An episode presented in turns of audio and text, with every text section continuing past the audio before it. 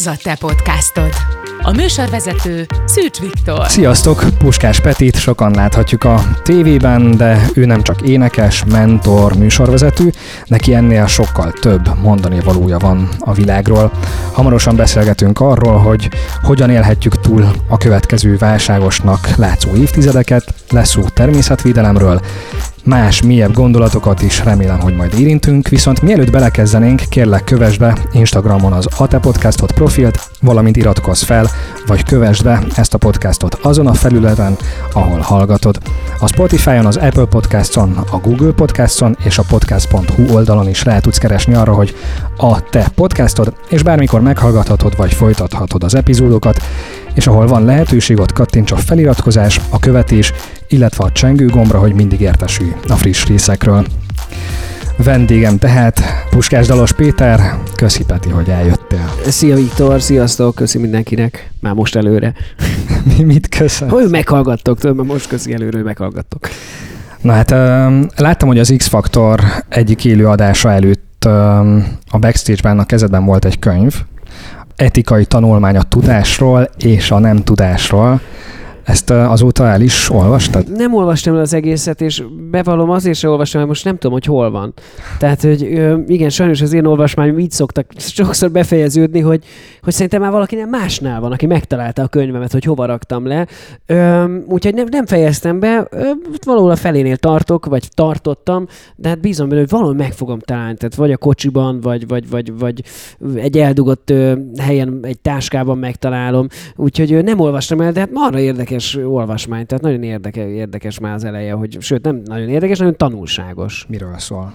Hát az eleje ugye arról szól, hogy am, ameddig olvastam, hogy igen, hát az embert ugye a, a, ami vezérlés, ami motiválja, hogy a nem tudás ö, helyzete az, ami, ami, ami kényelmetlené teszi az életét, és szeretne tudni dolgokat, csak hát egyszer csak jön az a dolog, hogy megtudjuk, hogy mi a stájsz, és nem biztos, hogy tetszik az a tudás, amivel szembesülünk, hogy az igazság az nem biztos, hogy a mi kényelmünket szolgálja, hanem igazán kellemetlenül tudhatni, és hogy emiatt, hogy végül is azok, akik birtokában vannak a tudásnak, végül is hogyan tudják ezt jól használni, hogyan tudják ezt morálisan elfogadhatóan használni, és mi az, amit amit, amit helytelenek tartatunk abból a szempontból, hogy, mi, hogy rendelkezel a tudással, és mégse cselekszel úgy, ahogy kéne. És, és szerintem ez egy nagyon érdekes felvetés, és erről szól a könyv végül is, hogy, hogy hogyan viselkedjünk, mert nem az a bűn, amikor az ember nem tud valamit, hiszen nincs tisztában a helyzetével, vagy a következményekkel, vagy, vagy egyáltalán, hogy mit okoz a környezete számára, az a gond, amikor tisztában vagyunk, a, a, a, a, vagy megvan a tudásunk hozzá,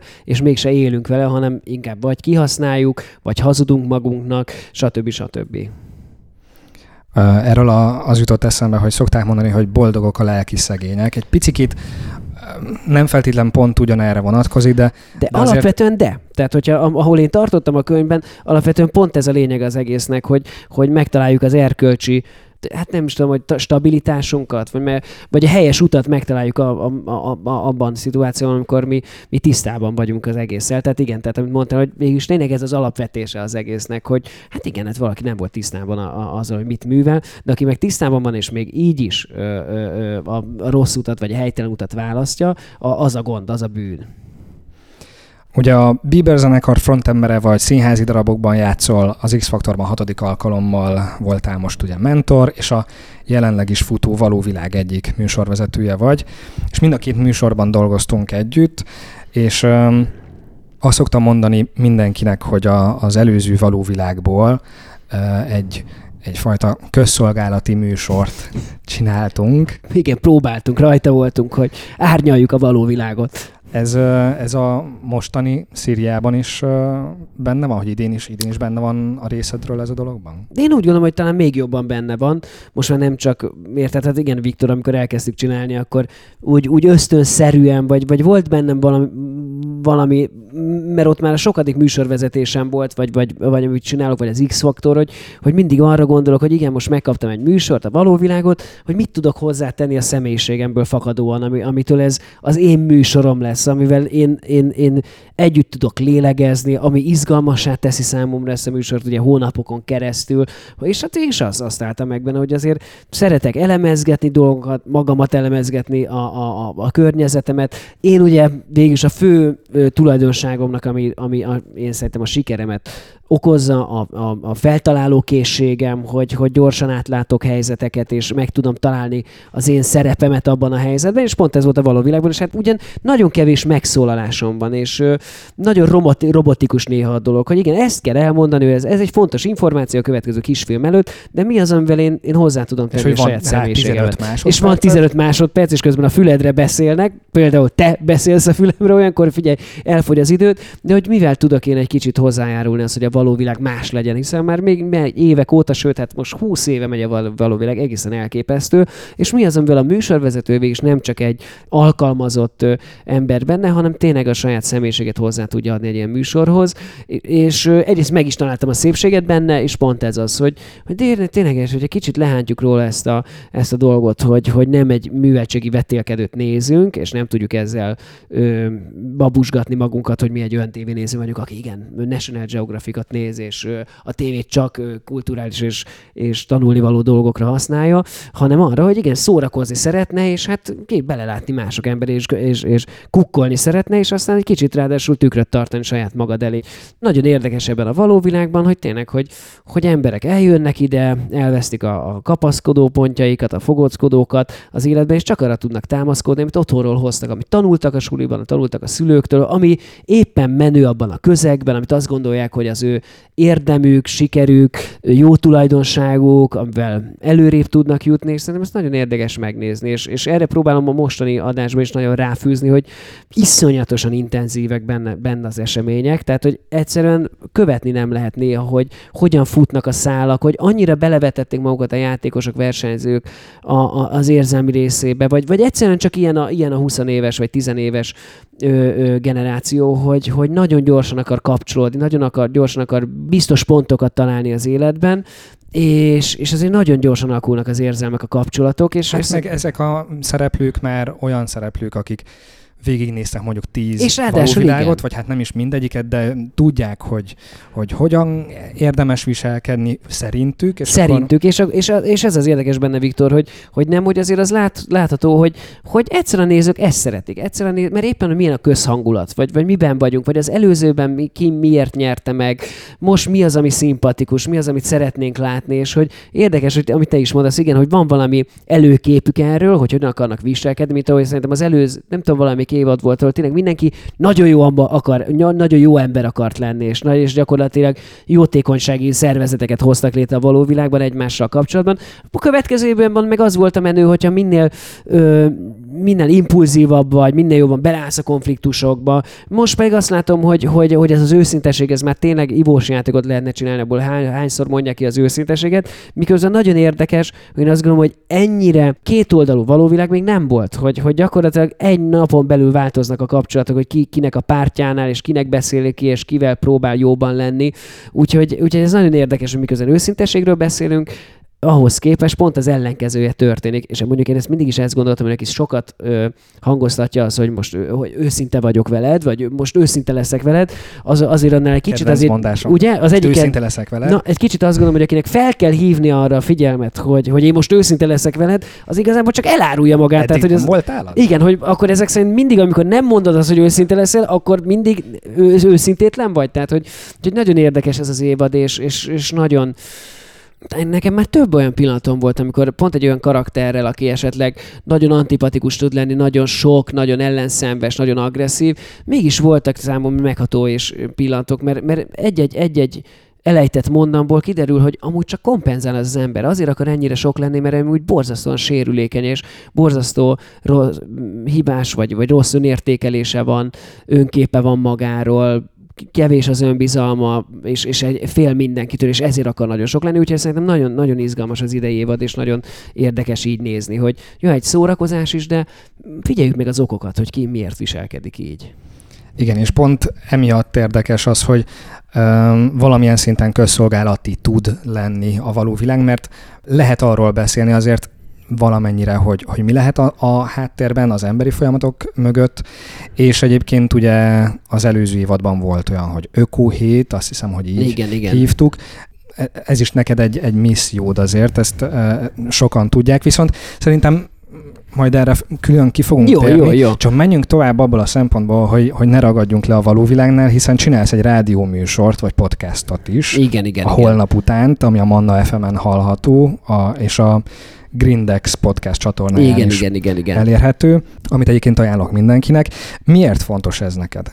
Azért nagyon fontos nekem ez a rádió műsor. Egyrészt nyilván azért, hogy, hogy azt a szemléletet, amit én képviselek, azt minél több emberhez eljuttassam. Másrészt pedig azért, mert nagyon tanulok belőle. Tehát, hogy végül is, hogyha már közszereplő vagyok, és erről sokat beszélek, akkor nem baj, hogyha hiteles információ forrásom van. És erre a legjobb ez a műsor. Gyakorlatilag jönnek vendégek, egyetemi előadók, professzorok, ilyen-olyan szakértők, akik mesélnek nekem erről, és hát végül én is, mint laikus, tehát oké, aki nyitott valamire, vagy, vagy, vagy érdeklődő egy témában, de alapvetően nem szakértő, aki eltöltötte ezzel éveket, évtizedeket, diplomája van erről, kutató, tehát, és szerintem ez egy fontos dolog, mert egyre jobban azt látom, hogy kezdjük összemosni a fogalmakat, kezdjük összemosni a, a foglalkozásokat, kezdjük lebecsülni másnak a tudását, és azt gondoljuk, hogy mi már értünk valamihez, hiszen mindenki megszólalhat mindenhol, mindenhol kifejezheti a véleményét, és, és hát és megdöbbenek néha, amikor átküldenek nekem olyan videófelvételeket, hogy na akkor ezt nézd meg, és akkor látok egy, egy fogalmam sincs kicsodát, aki ül valahol, és akkor ilyen mindenféle összeesős elméletekről beszél, de nem tudod, hogy kicsoda ő, honnan, honnan tudja ezeket a dolgokat, és, és, és, és, és teljesen hiteltelennek tűnik az egész, és, és most, most el, el szoktam mesélni ezt a részét, hogy, vagy ezt, ezt a sztorit, egyik barátom mesélt erről, pont erről beszélgettünk amúgy, és mondja, hogy hát igen, neki is furcsa, hogy múltkor beszélgetett egy emberrel, foglalkozásából adódóan, tehát nyilván volt egy ilyen elő, előítélete, hogy amikor azt mondta, hogy a felesége kutató, akkor az úgy meglepte őt, hogy, hogy hát ez egy nem, akkor ez egy nem egy tipikus pár, hogy így, így fogalmazunk, és, és akkor kérdezte, hogy és mi, mi, mivel, mit kutat a feleséget? Hát ő interneten szokott kutatni. És tudod, ez egy kicsit meglep, meglepte őt is, meg hát ennyi, engem is, amikor eszelmes, hogy végülis tényleg valakinek a fejében az, hogy egy polcra helyezi magát, azért, mert az interneten kutat, azzal, hogy valaki iskolát végzett, és az egész életét arra szentelő, valamilyen témában kutasson, és ez az érdekes benne, hogy ott is valószínűleg, ahogy én elképzelem, bár nem sok kutatót ismerek, de hogy ők se mindenhez értenek, hanem egy bizonyos ö, témához értenek, vagy egy a tudomány bizonyos szegmensére van rálátásuk. És, és hogy- nem a Wikipédián kutattak. és valószínűleg nem a Wikipédián kutatnak, és, és azt gondolom, hogy végülis ezért fontos számomra ez a, ez a műsor, hogy attól függetlenül, hogy beszélek erről, nyitott vagyok erre, utána olvasok, érdeklődöm, azért én nem szakember vagyok, és hogyha már mondok valamit az, a, a követőimnek, akkor legalább hiteles forrásból, mert hát azért rengetegszer látom, hogy közszereplők, amikor azt mondják, hogy hát az interneten fent van minden. Hát igen, hát fent van minden az interneten, csak az nem biztos, hogy az, az, az úgy is van. Igen, Tehát, hogy minden és mindennek az ellentétje Mi- is egyébként tehát, hogy, van, hogy, hogy ezért fontos szerintem, és ezt nagyon szeretem ezt a műsort, és egészen elképesztő figurákkal, agyakkal találkozom, akik olyanokat mesélnek, hogy csak így ülök, és úristen, fantasztikus a tudomány, fantasztikus, hogy hol tart az emberi technika, technológia, gondolkodás, csak hát sajnos nem nagyon használjuk.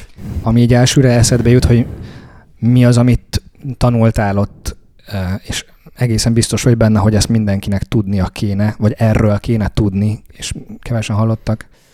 Az, hogy nem, tehát nem minden fekete-fehér. Tehát, hogy szerintem természetvédelemben is sok mindenért tudjuk magunkat kritizálni, és, és, és van, van is miért, de, de, de amúgy meg rengeteg innováció van Magyarországon is, ami, ami meglepő egy ilyen kis országhoz képest, vagy ahhoz képest, hogy mi hol vagyunk a, a, a világ élvonalához képest, de hogy itt is egyébként családanyák, családapák dolgoznak, akiknek fontos a gyerekeik, fontos az, hogy van, van misszió, vagy küldetéstudatuk, minden nap azon dolgoznak, hogy jobb legyen a világ, jobb legyen a technológia, amikkel foglalkoznak, a fenntarthatóság, so- lehetne sorolni ezeket a dolgokat, és hogy igenis vannak nagy eredmények, amikről sajnos nem tudunk, és egyszerűen csak azért, mert, mert, mert hát nyilván ez nehéz szembesíteni az embereket azzal, hogy, hogy van más opció is, hogy lehet, hogy ehhez szoktál hozzám, végig is kezdtük az egész beszélgetést, hogy, hogy hát igen, hogy, hogy nem biztos, hogy az igazság az, az, az kedvez nekünk, és hát az, hogy a fenntarthatóság, a természetvédelem, az néha olyan dolog, ami hát igen, a kényelmünkből ez elvesz, és hogyha valamit tanultam, az az, hogy igen, hogy arra törekszünk mi emberek, hogy, hogy minél boldogabbak legyünk, minél kényelmesebben éljünk, csak vannak bizonyos érzések, vannak bizonyos szituációk, amiket nem lehet megélni áldozatok nélkül. És mindig mesélem azt, hogy amikor voltunk ideiglenes örökbefogadók, kiskutyák voltak nálunk két alkalommal is, hogy amúgy, most ez furcsán hangzik, de egészen katartikus élmény volt az, amikor továbbadtuk a kutyát. És tudod miért? Mert nagyon ritkán érzünk ilyen, fá- ilyen fajta fájdalmat, hogy tudjuk jól, hogy ez fájni fog, tudjuk jól, hogy nagyon nehéz pillanat lesz elengedni egy kis kutyát, aki érted két hónapos kis édes cukika, hozzád nő, babusgatott, szinte egy kis baba lesz belőle, és aztán te elbúcsúzol tőle valószínűleg, és hát ráadásul egy kutya, tehát nem tud felhívni, meg nem tudsz vele messengeren majd küldözgetni képeket, hanem ő tényleg, ő, ő kilépett az életedből, és akkor jöttem rá, hogy tényleg de durva, hogy, hogy elfelejtjük az áldozatot, hogy igen, vannak dolgok, amiért áldozatot kell hozni, és csak akkor tudjuk megélni azt a, azt a dolgot, mert mindenből szeretnénk kitolni az életünkből a fájdalmat, a, a rossz érzéseket, a sebeket ö, eltakarni, és, és szerintem ez, ez, ez, ez, ez, amit tanultam benne, hogy nem, hát néha igen, azt kell, hogy szembesítsenek ezzel, hogy ez így és így van, ez ezzel jár, ez ilyen környezeti károkat okoz, tehát alapvetően szeretné fenntartani, akkor erről le kell mondanod, ez van, ez van. De ezek az áldozatok nem feltétlen rosszak. Mert hosszú távon viszont meg a jóhoz kellenek. Tehát ahhoz kell, hogy, hogy túléljünk. Mert hogyha ezt az áldozatot nem hozzuk meg, hogy öm, környezettudatosabban éljünk, hogy fenntarthatóbb legyen az élet, életvitelünk, akkor viszont hiába élvezzük most, lehet, hogy öt év múlva már még kevésbé tudjuk élvezni, mint hogyha egy picit visszafogtuk volna. Igen, de hát ez olyan, mint a betegség, nem? Tehát, hogy végig az is úgy velünk, hogy jó, hát majd ha betegek leszünk, akkor majd meggyógyulunk, de addig élvezzük ki az életet. Tehát nyilván sok addikcióra lehet ezt mondani, hogy jó, hát most, hát nyilván mondjuk az alkoholizmus, a, a, a droghasználat ilyen, hogy jó, hát igen, tudom, tisztában vagyok vele, vagy a dohányzás, vagy rengeteg dolog lehetne felsorolni, hogy igen, hogy ez, ez, ez rossz, meg valószínűleg rosszat tesz az egészségemnek, de hát most, most akarom kiélvezni az életet, amikor meg majd remélhetőleg nem leszek beteg, de ha beteg leszek, akkor meg majd kigyógyulok belül, akkor meg arra megy az élet, hogy, hogy, hogy kigyógyítsam magamat. Tehát igen, szerintem ez a fenntartatóság is egy ilyen dolog, hogy ja, hát majd egyszer eljön az, és akkor majd valahogy megoldjuk a dolgot. Tehát alapvetően tényleg ebből nagyon nehéz nagyon nehéz megmozdítani az embereket, és saját magunkat is, hogy, hogy, hogy azért hogyan tudunk ne így gondolkodni, hogy majd akkor majd csinálunk valamit, amikor már szar lesz, hanem igen, hát végülis előre kéne gondolkodni, és most kéne megtenni ezeket a lépéseket. Amit egyébként az előbb mondtál, hogy nem minden egyértelmű, ebben a témában sem erről jutott eszembe, hogy ilyen a vadászat is amúgy, nem tudom, hogy te mit gondolsz róla, mondjuk sejtem, de ugye az van, hogy, hogy Például a Majka dalában is ez most egy aktuális kérdés, hogy ő is megemlítette azt, hogy vannak politikusok, akik elmennek hobbiból vadászni. És itt nyilván um, nem nevezte meg, de én szerintem semmilyen Zsoltra gondolhatott, aki, akinek a, az egyik hobbija az, hogy vadászon, nyilván valószínűleg lehet, hogy másnak is, de ennek is van egy másik oldala, hogy, hogy nem orvadászok, hanem olyan területen és olyan fajokra engedik őket, hogy vadászanak, amelyek az adott területen túlnépesedtek, lehet, hogy azok a fajok más fajokat veszélyeztetnek, és akkor ezért engedik meg nekik, hogy vadászanak. Nem Igen. tudom, erről te mit gondolsz? Ö, hát én is azt gondolom, hogy ez a vadász téma egyébként egy nagyon érdekes, izgalmas, és amúgy nem csodálom, hogy sokat beszélünk róla, mert amúgy pont egy olyan téma, amiben ki lehet boncolni a modern társadalmat, azt a fajta paradigmaváltást, amiben élünk, amivel a természettel kapcsolódunk, amit te, mert végig abban én is egyetértek a vadászokkal, hogy hát figyeljetek, oké, lelövöm, de aztán megeszem, tehát végig is az oké, hogy, hogy te nem lősz állatot, de fizetsz azért, hogy megöljél állatot, de egy kicsit azért úgy érzem, hogy ez egy képmutató dolog most minden, amikor én is egyébként utálom, tehát mindig meg is szoktam, hogy vadászattal kapcsolatos témát teszek, hogy kérlek azt azért ne írjátok, hogy no, jött is így kéne lelőni, meg stb. stb. Azért ennél ez egy sokkal sokrétűbb téma. De azt a részét én is egy kicsit képmutatónak találom viszont a másik oldalról, amikor, és két dolgot szeretnék kiemelni, vagy, vagy, vagy valamit fontosnak tartom, vagy nagyon meghatározta ebben a gondolkodásomat, hogy mert én is szoktam például olvasgatni a vadász magazint, meg, meg kíváncsi vagyok, hogy, mi, hogy amúgy a másik oldalon mi történik, hogy miről beszélgetnek, mik a témák, stb. stb. És egyet, például nagyon utálom a trófeavadászatban azt, amikor azt mondják, hogy, hogy hogy jó, de hát ebből van a megélhetése annak a közö, közösségnek, stb. stb. stb. És akkor arra gondolok, hogy hát végül is azért nekem van olyan barátom, aki az, a pénzét arra költi, hogy ugyanabba a közösségben, ahol te elmész és levadászol állatokat, ő elmegy és mondjuk iskolát újít fel kutat épít, stb. stb. stb. gyarapodjon az a közösség, és azt a tudást, amit mondjuk itt Európában nagyon büszkék vagyunk rá, azt elvigyük máshova is, és hát várjuk be, hát az oktatás a legfontosabb dolog, hogy, hogy az innováció megtörténjen. Tehát arra azt gondolom, hogy én is, hogy, hogy azért ez, ez még a jó gyarmatosító reflexek, mert végül is akkor mondhatnánk azt is, hogy jó, én adok egy árvaháznak marha sok pénzt, amiből 99 gyerek nagyon jó fog járni, egyet viszont hagyvihessek haza rabszolgának. Tehát mert 99 viszont jól jár. Tehát azt én is azt gondolom, hogy azért ez egy kicsit túlzás, amikor a, a, szerintem a vadászati turizmusról beszélünk, hogy hát ez mindenkinek jó, mert valószínűleg azért vannak olyan vadászok, akik nem azért jönnek, mert hogy természetet akarnak védeni, hanem meg tök izgi, tök izgi. És el tudom képzelni, hogy egyébként biztos adrenalint ad az embernek, hogy mint, vagy férfias ösztönök jönnek fel a, a régmúltból, hogy ö, ott vagyok, és akkor lelők egy állatot. De, de, és a másik része a dolognak, hogy egyszer olvasom bejegyzést, ráadásul hát egy, egy igen prominens vadásztól, aki ráadásul nagy tiszteletben áll, és hogy az erdély, erd, a medve helyzetről beszélt. És akkor leírja ugyanabban a pozban, hogy hát igen, hogy az illegális fakitermelés miatt ö, szűkül a medvék élettere, és ez okozza az egész helyzetet, úgyhogy arra kéri a döntéshozókat, hogy lehessen minél több medvét lelőni. És kicsit azt éreztem, hogy Hát de miért nem arra kéri a döntéshozókat, hogy szigorítsák ezeket a feltételeket, és, és visszaszorítsák az illegális fakitermelést? Tehát ott azt éreztem, hogy na hát lehet, hogy azért egy kicsit sántít ez a dolog, hogy, hogy akkor valahogy vagy rosszul lett megfogalmazva, vagy a gondolkodásban van valami, ami, ami, ami hibázik, és nem csoda, hogy bizonyos emberek, akik nem vadásznak, azok, azok hát kicsit, kicsit szkeptikusan tekintenek erre, hogy ez biztos a természetvédelemről szól, de közben meg ott van az, hogy azért múltkor találkoztam olyan srácokkal, akik tényleg egészen fantasztikus tudással bírnak, rengeteg időt töltenek az erdőben, tudják mi a jó, tudják mi a rossz, erkölcsileg is azt láttam rajtuk, hogy, hogy, hogy megérintik a dolgok, hogy, hogy, me, hogy megélik a helyzeteket, és, és, és azt gondolom, hogy igen, hát ezért, ezért kell, és nagyon fontos, hogy beszél, mert mindig annyit beszélünk a párbeszédről, de hát most soha nem történik meg a párbeszéd. Tehát, hogy szerintem ez a nagy hibája a világnak, hogy azt gondoljuk, hogy történik párbeszéd, miközben,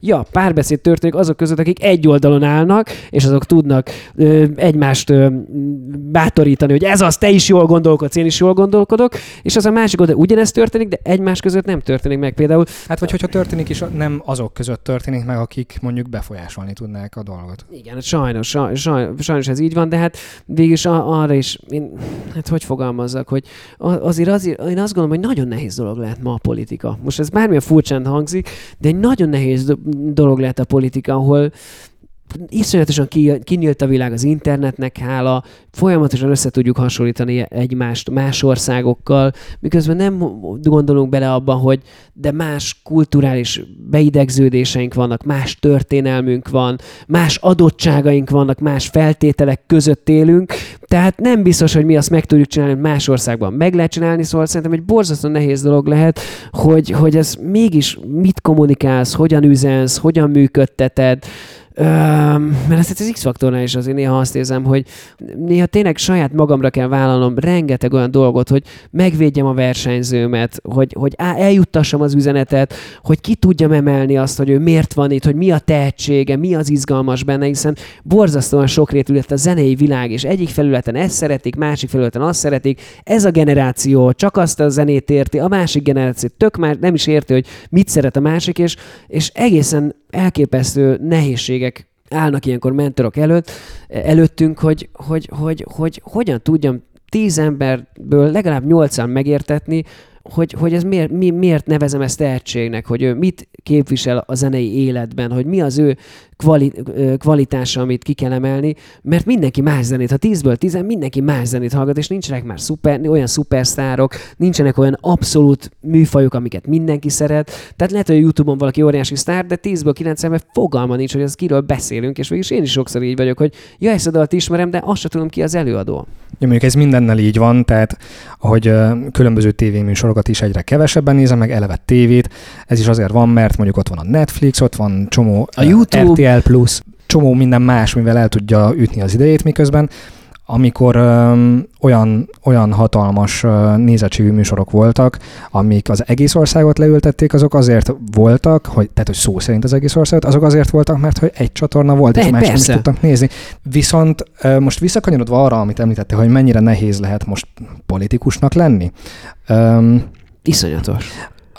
Tehát vannak ugye ügyek, amiket te képviselsz, és ami, amikről te, te nagyon sokat beszélsz. A Grindex podcast adásában is nagyon sokat beszéltek a környezetvédelemről, arról, hogy hogyan és mit kéne csinálni, de ugye hát ez nem elégséges. Most nem azt mondom, hogy, hogy amit te csinálsz, az nem, nem, nem elég jó, hanem hogy, hogy az, hogyha emberek egy kis része hallja azt, amiről ö, beszélsz, és amit te el, el szeretnél érni, hogy az emberek úgy viselkedjenek, az egyrészt azért sem feltétlen elegendő, mert nem mindenki fog erre hallgatni, nincs befolyásod arra, hogy ezek mondjuk felülről is így, így legyenek szabályozva. Tehát most arra akarok kiukadni, hogy gondoltál-e arra, hogy aktívabban ö, vállaljál szerepet mondjuk politikusként ott vannak olyan ö, emberek, akikről azért így beszélnek, hogy Nagy Ervin például lehet, hogy majd belép a politikába. Uh-huh.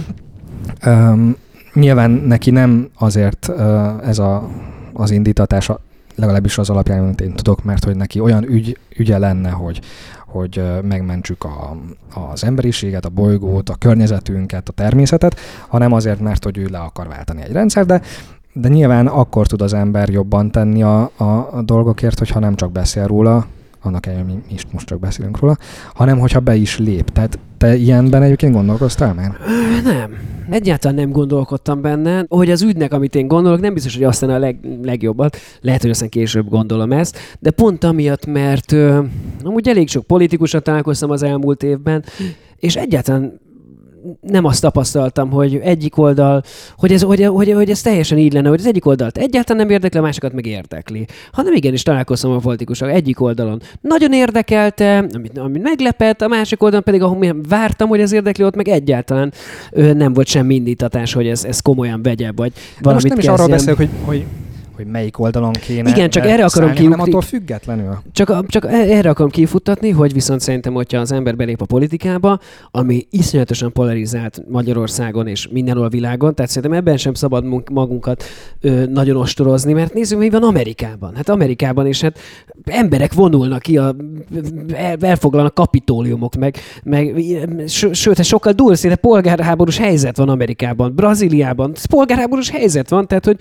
mindenhol iszonyatosan iszonyatosan egymás ellen vannak hergelve az emberek, nagyon kétoldalúan gondolkodnak, és, és, és a politika ezt használja eszközéül, hogy hát nézzük meg az amerikai elnöki vitát, hogy gyakorlatilag egy szakmai év nem hangzott el, hanem gyakorlatilag csak személyeskedésről szólt az egész, hogy ki mennyire hülye, mennyire lehet utálni, és ö, ö, nagyon megdöbbentő volt az egész, amikor azt gondoljuk, hogy azért a világvezető demokratikus országáról beszélünk, ö, gyakorlatilag csak személyeskedés, egy, egy, egy egyszerű kommentelő ö, színvonalán mozog az elnöki vita, és ezért gondolom, hogy a politikától én magamat azért tartanám távol, miközben ügyek mellett ki kell állni, tehát azzal nincsen semmi gond. Tehát azt gondolom, hogy én is kiálltam a tanárok mellett, ami erőm van, vagy ami felületem van, kiálltam a tanárok mellett, de azt gondolom, hogy igen, ezt fel kell karolni, meg kell mutatni, hogy, hogy egyetértünk ezzel a dologgal. El kell juttatni minél több emberhez, amit, ami, am, amit szeretnénk üzenni, de, de politikusként én azt gondolom, hogy az ember belép a politikába, akkor válasz egy oldalt, és bele, belép abba a játékba, ami, ami gyakorlatilag csak kommunikációról, a fe, felszínén csak kommunikációról szól, és, és PR-ról szól, és marketingről, és propagandáról szól, és nem biztos, hogy onnantól kezdve tudsz többet foglalkozni a hasznos dolgokkal, mint, amit, ami, ami, mint ahogy te elgondoltad ezt az egészet. És én azt gondolom, hogy ami számomra jelenleg fontos, igen, hogy beszéljek a felületeimen, hogy lehetőleg szemléletet formálják, edukáljam az én követőimet, és az Egyesületen keresztül minél több emberhez ö, nem csak eljutasson, hanem személyesen is találkozzak vele, és kicsit ö, személyeségbé tegyük ezt a ö, influencer követő, vagy, vagy egyáltalán az, hogy, hogy azt, lát, azt mutatni, hogy, ja, hogy, hogy ezt így is lehet csinálni. És végül is én is, hogyha belegondol a Füri Egyesületet, meg a Budapestet, tehát alapvetően azért nem volt egy nagy megfejtés. A barátaimmal így beszélgettünk, és akkor csináljuk ezt. Oké, vigyünk, vigyünk sport és hangszereket egy, egy, egy szegény iskolába, hát vigyünk. Hát oké, akkor figyelj, te mit tudsz beleadni? Pénzt, te sportot, te hozzá egy gitárt, és akkor lemegyünk és csináljuk, és ebből lett az egyik egyesület, a másik meg abból lett, hogy figyeljetek, mit csinálják itt a Covid. Hát figyelj, van egy haverom ott az önkormányzatnál, írunk neki e-mailt, hogy esetleg van-e hely, ahol lehet ö, ö, fát ültetni, és azt mondta, hogy van, és akkor jó, hát akkor figyelj, dobjuk össze megint a pénzt, ami van, és akkor ültessünk el három fát, és ebből végig is lett egy mozgalom most, mert talán mondhatom is, hogy mozgalom, úgyhogy ez az, amit azt gondolok, hogy, hogy és ez egy jó ügy, ami, amit nem kell oldalt választani, hanem csak csinálod, és hiszel benne, és, és, és előre mész. Igen, és akkor nem csak beszélsz róla, hanem hanem tevékenyen részt veszel benne, igen, szerintem. Talán ez a legfontosabb a mai világban, hogy, hogy igen, van nagyon nagy előnye, hogy közszereplő vagyok, de alapvetően, ahogy ezek megalakultak és elkezdtek funkcionálni, annak semmi köze a közszerepléshez, hanem az volt, hogy figyelj, kitaláltuk, és belelendültünk, és, és azt a tudást, amit mi mondjuk a szakmában megszereztük, azt összeadtuk, és, és akkor csináljunk valamit. Van rajtad kívül egy másik környezetvédelmi aktivista is, nem csak egy, de hogy Leonardo DiCaprio, aki a National Geographic-nak forgatott dokumentumfilmet az éghajlatváltozásról, de szerintem őt már annyira nem is érzi közel magához az ember, mert hogy ugye egy, egy világsztár, aki angolul beszél, nem a mi kultúránkból van, tehát uh, hiába beszél ő nagyon okos megoldásokról, nem, nem, nem feltétlenül érzi mindenki magához közel, és ezért lenne szükség arra, hogy mondjuk egy, szerintem, hogy egy nemzeti sztár, tehát hogy egy magyar, meg hogy amúgy globálisan minden nemzetnek legyen egy ilyen, de hogy itt most Magyarországon egy magyar um, ismert közéleti szereplőnek mondjuk legyen egy dokumentumfilmje nagy elérésű platformon, um, és egyébként nagyon örülnék neki, hogyha neked lenne egy ilyen dokumentumfilmed. Köszönöm szépen. Ö, én is örülnék neki, de, de amiről beszélünk, hogy nyilván Dicap, Leonardo DiCaprio biztos nagyon sokat dolgozik most is, rengeteg pénze van, és, és azért arról azért kell beszélnünk, hogy nyilván a kettőnk között azért óriási különbség az, hogy milyen egzisztenciás helyzetben vagyunk. Tehát, hogy, hogy, hogy ahhoz, hogy én egy dokumentumfilmet forgassak, azért az rengeteg idő kell, ami ki fog maradni azokból a, a, a, vagyis hát az, onnan tudom elvenni azokból a munkákból, amit csinálok, amiből megélek, amiből megteremtem az egzisztenciámat, másrészt pedig emberanyagban is. Tehát, hogy úgy gondolom, hogy például nézem a Kardashians, a Bogi nézi néha, és akkor is belenézek, és arra gondolok, hogy hogy igen, hát ez egy más helyzet, amikor egy olyan pi- piac van, ahol, ahol ezt, ki, ezt ki tudod termelni úgy, hogy, hogy megtalálod a, a jó szakembereket, hogy, hogy, hogy vannak, hogy ebből tudod fedezni azt, hogy azt egyébként valaki más csinálja, hogy tudsz olyan finanszírozni olyan embereket, akik, akiket meg tudsz bízni azzal, hogy hónapokon keresztül az életüket arra szenteljék, hogy előkészítsenek egy dokumentumfilmet. Azt gondolom, azért Magyarországon sajnos ö, hiába sztár az ember, vagy hiába közszereplő, vagy, vagy láthatóan jól él, de azért nem így van, hogy most elő tudnék szedni marra sok pénzt arra, hogy valaki ezt előkészítse, mert szerintem azért nagyon fontos a dologban, hogy hogy oké, okay, hogy készítés valamit, és jó szándékkal készült, de azért az minőségi legyen, és azt, azt érez, hogy ezt megértem megcsinálni. És uh, sajnos azért vannak olyan megkeresések, amire pont emiatt azt mondom, hogy figyelj, ezt nem szeretném megcsinálni, mert csak egy fölösleges pofázásnak érzem, ami viszont elveszi a minőségét és a szeretetőségét, az igényességét a dolognak, és az, hogy, hogy, hogy ja, ez egy olyan dolog, amihez szívesen csatlakozni, még látom, hogy ez, ez jól néz ki, ez szép, ez jól van megcsinálva, jól, jól, jól van felépítve, jól meg van szerkesztve. Tehát gondolom a David Attenboroughnál is azért egy komoly csapat dolgozik azon, komoly operatőrökkel, rengeteg időt és energiát arra áldozza, hogy ezek így nézzenek és így így legyen ö, megcsinálva, és, és ez, hát igen, hát ez, ez azt gondolom, hogy ez a dokumentum akkor tudna megvalósulni, hogyha itt vagy állami finanszírozásban, vagy egy, vagy, egy, vagy egy cég, vagy valaki azt mondja, hogy figyeljetek, én ezt meg szeretném megcsinálni, és erre adok pénzt, és akkor ennek az a lényege, hogy akkor ez legyen iszonyatosan jó és hatásos, és, és, és aki megnézi, az azt mondja, hogy na, ez, ez, ez, ez, ez, szívesen nézem, és nem tartom cikinek egy ilyen vergődésnek az egész. Tehát igen, hát én, igen, jó én lenne. Picit azért van bennem most ezzel kapcsolatban nagy remény, vagy hát nagyobb remény, mint mondjuk eddig, mert az RTL Pluson, tehát az RTL átvette a, az On The Spotot. Uh-huh. Igen, igen, láttam, igen. És igen, hát ők azért neki. eléggé színvonalas dokumentumfilmeket csinálnak. Nyilván ez egy kicsit uh, alacsonyabb költségvetésből, mint egy Leonardo DiCaprio vagy egy David Attenborough dokumentumfilm, de hogy hát ha erre lesz olyan kereslet, hogy mondjuk az RTL majd azt gondolja, hogy érdemes neki majd egy, egy ilyenbe be. Én is ebben bízom, és egyébként Viktor, végül is abszolút igazad van, mert pont a múlt héten a Jimmy sorozat nézése közben jutott eszembe, hogy amúgy tényleg a, milyen izgalmas lenne az RTL mostra egyébként tartalmat gyártani, és amit tele vagyok ötletelés, egyébként van ilyen ötletem is ezzel kapcsolatban. Úgyhogy egyébként jó, jó, jó a meglátásod és jó a felvetésed, mert tényleg végül is, ha lehet valamikor erre lehetőséget találni, akkor lehet, hogy pont ez, hogy, hogy, hogy az RTL-nek egyébként elindult a streaming szolgáltatása, ahol, ahol én azt gondolom, hogy egyre nagyon minőség és nagyon király tartalmak vannak,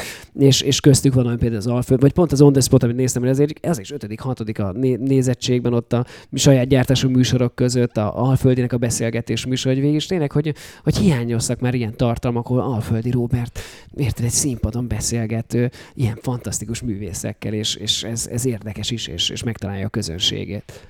Térjünk rá egy picit egy olyan témára, ami, ami számodra különösen fontos, a vegán uh-huh. életmód, vagy táplálkozás mód, hogy te mikor, meg miért lettél vegán? több szálon futott a történet. Egyrészt, amikor lett az első kutyám Bambi.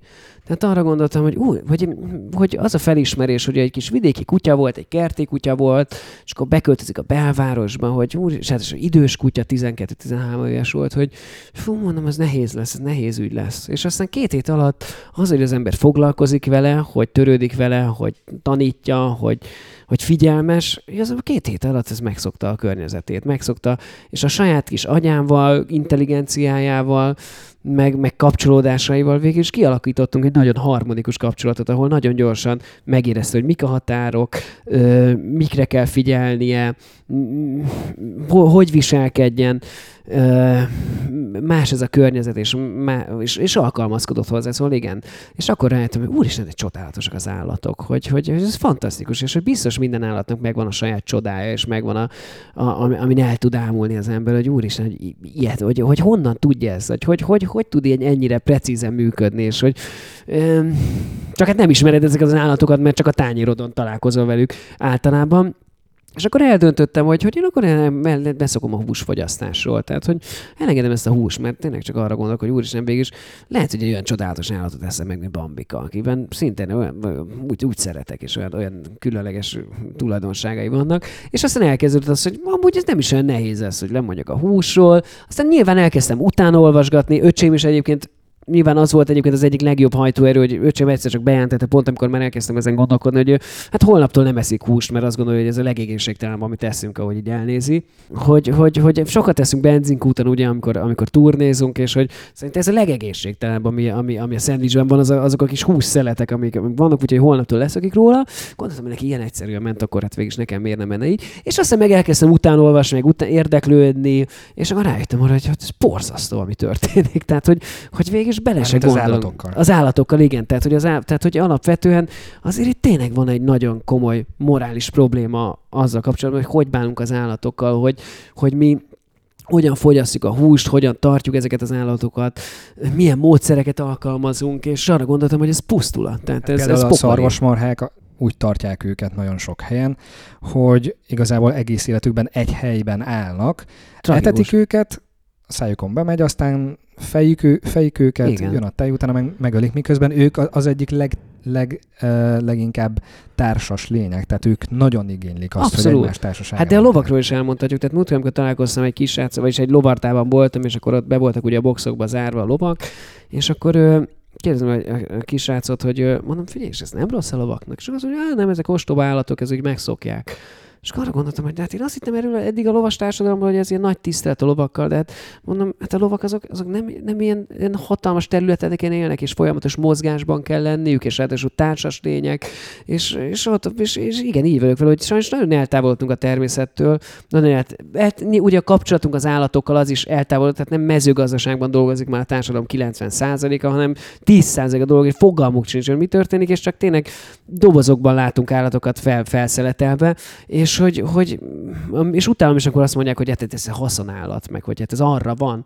Hát most valószínűleg egyébként száz éve ugyanezt mondták a nőkre, hogy, hogy, hogy a nők csak erre vannak, hogy, hogy ezt és ezt csinálják. Szüljenek, mondjuk ezt Szüljenek, tehát hogy a nők arra vannak, hogy szüljenek. Akkor 200 éve gondolom ugyanezt mondták a, a rabszolgákra is, hogy hát ők azért vannak, hogy dolgoznak, mert egy primitív emberek, és, és, és megint csak ez az, ami végig ez a fajta gyarmatosító énünk, hogy hogy, hogy mint hogyha mi mindent fölött állnánk, és minden arra van, hogy minket kiszolgáljon, ahogy a természet is. De hát végül ez értető, hiszen hozzátartozott valószínűleg a túlélésünkhöz, hogy legyőzzük a természetet. Tehát gondolom azért annyira nem lehetett jó az erdőben aludni, és, a, és amikor még eszközök se voltak, hogy valahogy túlélni a, a fa medvetámadást, tehát abszolút, de, de, ezek már olyan dolgok, például ezt is után, amikor azt mondják, hogy a, hát, hogy a vadászat nélkül, hogyha meg végül a vadászat nélkül, hol lennénk mi emberek, mert hús nélkül, hol, hát az, az, amiatt kezdtünk el iszonyatosan fejlődni.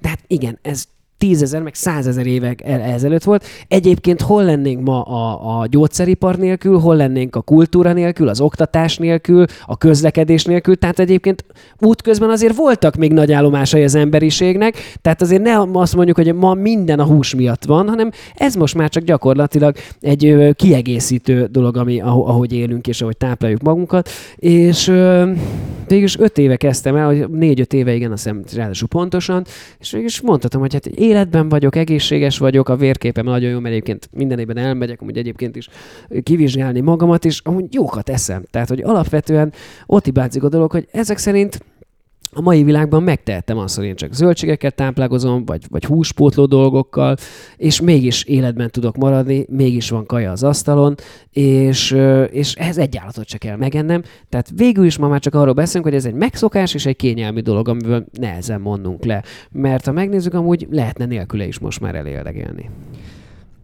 És bocs, még a vadászata visszatérve, hogy hát persze, hát nyilván télen nehéz volt a gyűjtögetés, meg, meg ameddig nem volt mezőgazdaságunk, meg hát a mezőgazdaság is valószínűleg nem télen a legaktívabb. Tehát nyilván az embernek kellett a túléléshez, hogy akkor állat van télen, és akkor megegyük az állatot, mert egyébként meghalunk. De hát alapvetően már nem az erdőben élünk, és, és, és ettől függ a túlélésünk, hogy most van-e nyuszi a közelben, amit én meg tudok enni, mert a bogyók sajnos már megfagytak. Igen, már megtehetjük azt, hogy, hogy lemondunk, mert van más opció, amire közben rájöttünk, meg ki lett fejlesztve és a, a, a vegán életmód azért a környezetre is kisebb terhelést rak.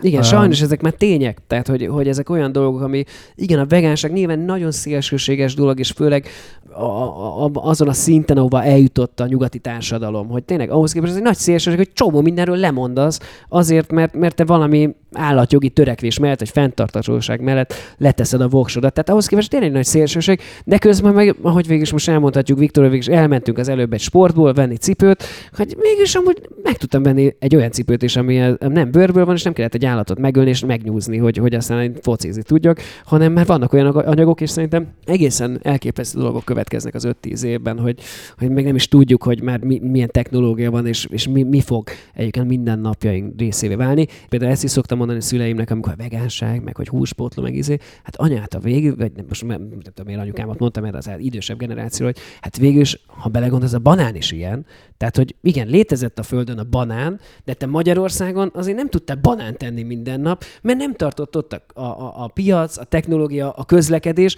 hogy te tudjál banán tenni minden nap, hanem az egy ünnepnap volt, hogy éppen érkezett, nem tudom, Dél-Amerikából egy hajó, és hozott banánt. A 90-es években meg egyszer csak lehet, onnantól ez lehetett banánt kapni, mert oda fejlődött ez az egész ipar, hogy el tudja szállítani A pontból B-be, ami egyébként lehet, hogy 10 km alap van. Tehát végül is azt is mondhatjuk egy ilyen gasztroevolúciónak, hogy te tudsz banánt tenni Magyarországon, és a világ bármely pontjáról te tudsz fogyasztani gyümölcsöket, zöldségeket, vagy bármilyen táplálékot, mert el tudod már juttatni oda. Tehát a vegánság egy következő, vagy ez az egész, ami, ami szerintem következik az a következő tíz évben, az megint egy új időszak, egy megint egy új állomás az embernek az étkezésében. Tök jó, hogy említetted a, a banánt, ugye az is egy növény, tehát annak is kisebb a környezeti, környezetkárosító hatása, mint mondjuk egy szarvasmarhának, aminek hatalmas gázkibocsátása van, hatalmas vízigénye van, hatalmas területeket igényel. Viszont másfelől meg tök érdekes, hogy a banánt el kell ide szállítani, Igen. aminek szintén van kibocsátása.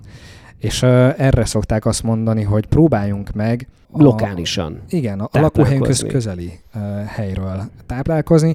Mondjuk így, mondjuk banánt nem biztos, hogy nem is szoktam, és például pont ez egy nagyon... Nem azért akar, nem, nem, nem azért tudom, mondom, tudom, hogy ne hogy... banán, csak hogy mi a, szerinted a megoldás, mert a, a mezőgazdaság eléggé szerintem lebutította a, a biodiverzitást a, a lakóhelyünkön. Ugye amúgy, mert ugye megvan az, hogy hogy ezt a fajta növényt ezen a területen tudod ö, megtermeszteni, a másikat a föld egy másik pontján, és akkor szépen onnan el lehet ö, mindenhova szállítani, de hogyha mindenki a helyi ételt, a helyben megtermő ételeket akarja enni, akkor lehet, hogy nagyon egyoldalúan tud az ember táplálkozni, mert mondjuk csak búza terem azon a területen, vagy, és almafák vannak, és kész. Igen, hát ez is mindig, hogy ja, hát az avokádó zabálók vegánok. Hát mondom, hogy soha nem eszek avokádót, már csak ö, azért sem, mert, mert tudom, hogy egyébként mindig ezt mondják, de hát egyébként igen, hát a vegánsággal pont úgy gondolkodom, hogy lokálisan a piacon akarom beszerezni egyébként a termelőktől, amiket ő megtermelnek, és nem akarom, hogy átutazzon 10 kilométert a kajám, amit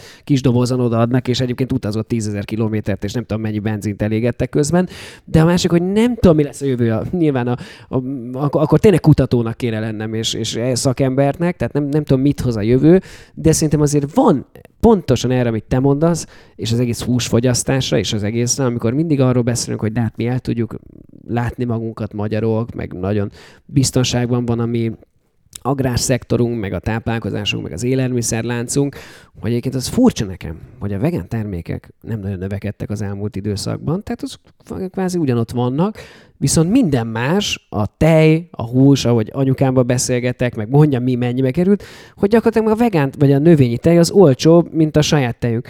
És hát igen, amit mondasz, hogy ja, hogy lehet, hogy van marha sok állatunk, de a takarmánya sajnos nem itt nő meg nálunk. Tehát azt valahol be kell szerezni, azt el kell szállítani, át kell váltani forintra, stb. stb. Tehát egy olyan csomó olyan tényező van, ami miatt én gondolom nem értek hozzá, de hogy szerintem pont van egy olyan pillanat, amikor hát végig saját bőrünkön tapasztaljuk, hogy azért valami sántít ebben a dologban, hogy, hogy, hogy, hogy, a, hogy teljesen önellátók lennénk, és hogy a húsfogyasztás milyen szuper, mert hát ugye mindig erről beszélnek alapvetően, hogy vegán konferenciákon, meg vegán konferencián, nem sok vegán konferencián voltam, de amikor olvasok ilyeneket, vagy esetleg tanulmány megjelenik, hogy hát igazából a termőföldjeinek a iszonyatosan nagy százaléka az a takarmányra megy el, tehát az egyáltalán nem a saját fogyasztásunkra tartunk elképesztő mennyiségű terméföldet, hanem arra, hogy az állatokat etessünk, amit aztán leölünk, és azért ez is egy bizonyított tény már, hogy, hogy, hogy ha kevesebb hús fogyasztunk, alapvetően jót teszünk a természetnek, mert sokkal kevesebb termőföld kell ahhoz, hogy mi, mi jól lakjunk és étkezni tudjunk. Úgyhogy én ebben bízom, hogy ez igaz, amúgy, tehát ezt most nem tudom tényleg, most nem tudom a forrást megjelölni ezzel kapcsolatban, de, de rengeteg diskurzus van erről, hogy igen, hogy a növényi étrend, vagy csak a, a, a, a flexitáriánus étrend, az, az, az egyébként egy... Mi ez egy, a flexitáriánus? Flexitáriánus azt jelenti, hogy nagyon keveset fogy, nem nagyon kevés húst fogyasztatsz, de azok minőségi húsok. Én úgy tudom, hogy ez a flexitáriánus, amikor, amikor figyelsz a húsfogyasztásra, tehát azt mondod, hogy ja, te csak két, napot, két napon fogyasztasz, és nem azon, hogy egész nap hús, és ez a flexitáriánus. Tehát, és egyébként, na, és képzeld visszatérve, hogy a flexitáriánusnál tartunk, például én egyáltalán nem azzal van gondom, hogy valaki tartott állatokat, amit aztán megeszik. Tehát, hogy ez furcsán hangzik, de én nem emiatt lettem vegán, hanem az, hogy tényleg ilyen ipari méretben tartunk bezárva, megfosztva az állatokat minden természetes ö, helyzetüktől, mert szerintem az is tragikus, hogy végig is tényleg egy állatot, hogy mesterségesen termékenyítenek meg. Hogy az is, hogy már azt is elvettük tőlük, hogy, hogy, hogy az természetes ösztöneivel dolgozzon, hanem hogy oké, megszülte, eltelik egy kis szünet, és akkor megint meg, megtermékenyítjük azt az állatot. Hogy ezek olyan döbbenetes dolgok, amik szerintem nem is döbbenetesek, hanem hogy belegondolunk morálisan, ezek ez sátáni dolgok, hogy, hogy, egy, hogy egy élőlény gyakorlatilag, ami már bizonyított tény, hogy érző, intelligens, ö, közösségben élő, vagy, vagy, vagy szükségesen közösségben élő állatok, gyakorlatilag teljesen elszeparálva egymástól, tárgyként használva élik az életüket, mint hogyha ez az egy feladatuk lenne, hogy kajáljanak, és aztán megegyük őket. Olvastam arról, hogy az nagy dilemma a tudományban, hogy mely állatoknak van tudatuk, tehát nyilván ez filozófiai kérdés is, hogy mi a tudat, de, de hogy, hogy melyik állat érez, mondjuk azt jobban tudják vizsgálni, hogy önmagában azt, hogy, hogy hogyan reagál, milyen inger vált ki belőle, milyen választ. Tehát, hogy azért vannak olyan állatok, amikről úgy sejtjük, hogy valószínűleg kevésbé um, hát éreznek, vagy inkább ösztönlények, és most ott most bejön a képbe az, hogy egyre többen azt akarják, hogy az emberiség kezdjen el rovarokat fogyasztani. Mert hogy az nagyon-nagyon nagy mennyiségben rendelkezésünkre áll, ők úgysem éreznek, őket nem, nem tudom. Te mit gondolsz erre? Ebben van egy tévedés ebben a rovarfogyasztásban, mert pont van egy magyar vállalkozás, a, a Green Sect, azt hiszem úgy hívják, bocsánat, pont a rádióműsorban voltam, tehát hogy nem, tehát alapvetően rovarfogyasztás az nem azt jelenti, hogy mi már sült sáskát teszünk, meg stb. stb., hanem például ők is arra tenyésztik a rovarokat, bizonyos legyet, most nem, nem akarok hülyeséget mondani, nem, nem mondom ki konkrétan melyik légy, de hogy, hogy, hogy, pont az állatok takarmányozására, pont arra, hogy, hogy liszt legyen belőle, hogy stb. stb. Tehát, hogy nem, tulajdonképpen nem arról van szó, hogy, hogy majd itt mindenféle rovart fogunk enni, hanem, hanem az alapanyagokat, a, a, a, a, hogyan tudjuk helyet helyettesíteni. De végső soron rovar. Végső soron rovar. Ha eszel egy ilyen csirkefalatot, már az, annak sincs sok köze a csirkéhez, így kinézetre, és mégis van benne. Igen, de, de hogy de nem is, nem is ezt akartam alapvetően elmondani, csak hogy szerintem ez tök érdekes, hogy, hogy valami ilyesmiről meséltek, hogy egy négyzetméteren annyi ö, takarmányt tudnak alapanyagot megtermelni, mint amit egyébként mondjuk szójából tízezer négyzetméteren ö, tudná, tudnánk, vagy nem tudnánk, hanem most is megtermelünk. Tehát, hogy egészen elképesztő a különbség az, hogy milyen ökológiai lábnyoma van egyébként a rovar tenyésztésnek, amit takarmányozása, vagy például kutyaeledel ö, ö, ö, forgalmazása használnak. Ö, és és na, de nem ezt akartam mondani, hanem az, hogy a tudatról beszélni. Tehát, hogy ebben tenni egy, egyébként, tehát megjelölni a határt, ez, ez szerintem megint csak egy olyan dolog, hogy, hogy nem, hát itt végig is van egy abszolútum az élet. Tehát az élet, és hogyha az, tudsz valamit helyettesíteni úgy, hogy nem veszed el valaminek az életét, akkor mondhatjuk, hogy szerintem az egy morálisan jó döntés, ahogy végig is eljutottunk odáig, hogy már a gyerekeket, akik esetleg véznán, gyengén, és esetleg sérülten születnek, nem dobjuk le egy szikláról. És nem azt mondjuk, hogy hát igen, hát ő végül is hát segényként mit fog felfogni az életből, úgyhogy hát jobb is neki, a ledobom egy szikláról, hanem azt mondom, hogy végül is kialakítottunk egy olyan szociális rendszert, intézményrendszert, ami arra van, hogy felnőtt, szakképzett emberek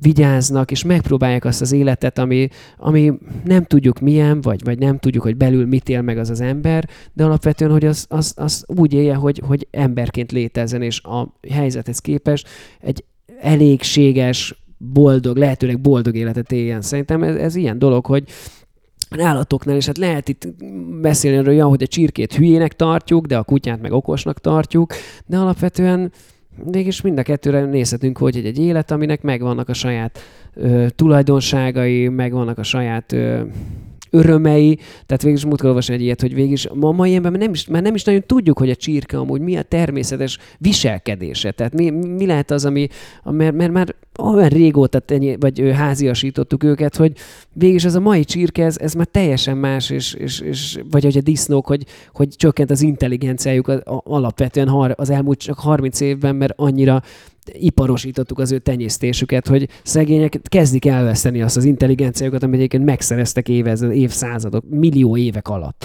Úgyhogy ö, én ezért gondolom ezt, hogy ez egy kicsit hibás, vagy hibázik ez a dolog, hogy, hogy most e, e szerint tegyünk különbséget. Akkor a rovarokat is védeni kéne ilyen szempontból szerinted? Hát, hát figyelj, én minden esetben nem őket. szoktam leütni legyeket. Tehát ugye arra gondolok, hogyha meg tudom... De a bőrödön há... is vannak különböző egysejtű, vagy tehát ilyen baktériumok, amik aha. szintén élőlények, és meghalnak rajtad, meg mondjuk, hogyha aha, zuhanyzol, aha. akkor is uh, elpusztítod uh, egy részüket, és ők is élet, de...